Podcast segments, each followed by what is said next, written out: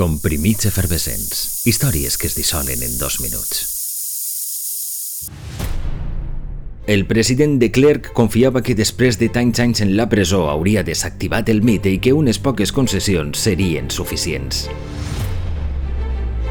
Això com a mínim és el que explica el seu biògraf que li va dir, però en qualsevol cas estava ben equivocat. Ni desactivaria el líder ni faria esfumar-se les legítimes aspiracions del col·lectiu que encarnava. Un 11 de febrer, després de 27 anys en la presó, el president de Klerk alliberava Nelson Mandela. I Mandela i tot Sud-àfrica no tardaren en deixar-li ben clar que el seu enemic no eren els blancs, sinó el règim d'apartheid que observava la segregació total entre blancs i negres. El procés, a partir d'aquell moment, amb les seues dificultats i tensions, seria imparable es legalitzaria el Congrés Nacional Africà i progressivament anirien derogant-se, una per una, les lleis que sustentaven l'apartheid. Els plans de De Klerk quedaren en paper mullat en pensar que Mandela hauria perdut la capacitat de lideratge, però el destí encara li reservava alguna sorpresa més.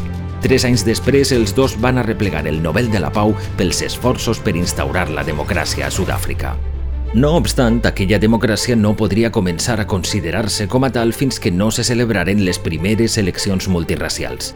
Arribarien el 1994, uns comicis històrics on pogueren votar blancs i negres i que convertiren Mandela en president quatre anys després d'eixir de la presó un 11 de febrer de 1990.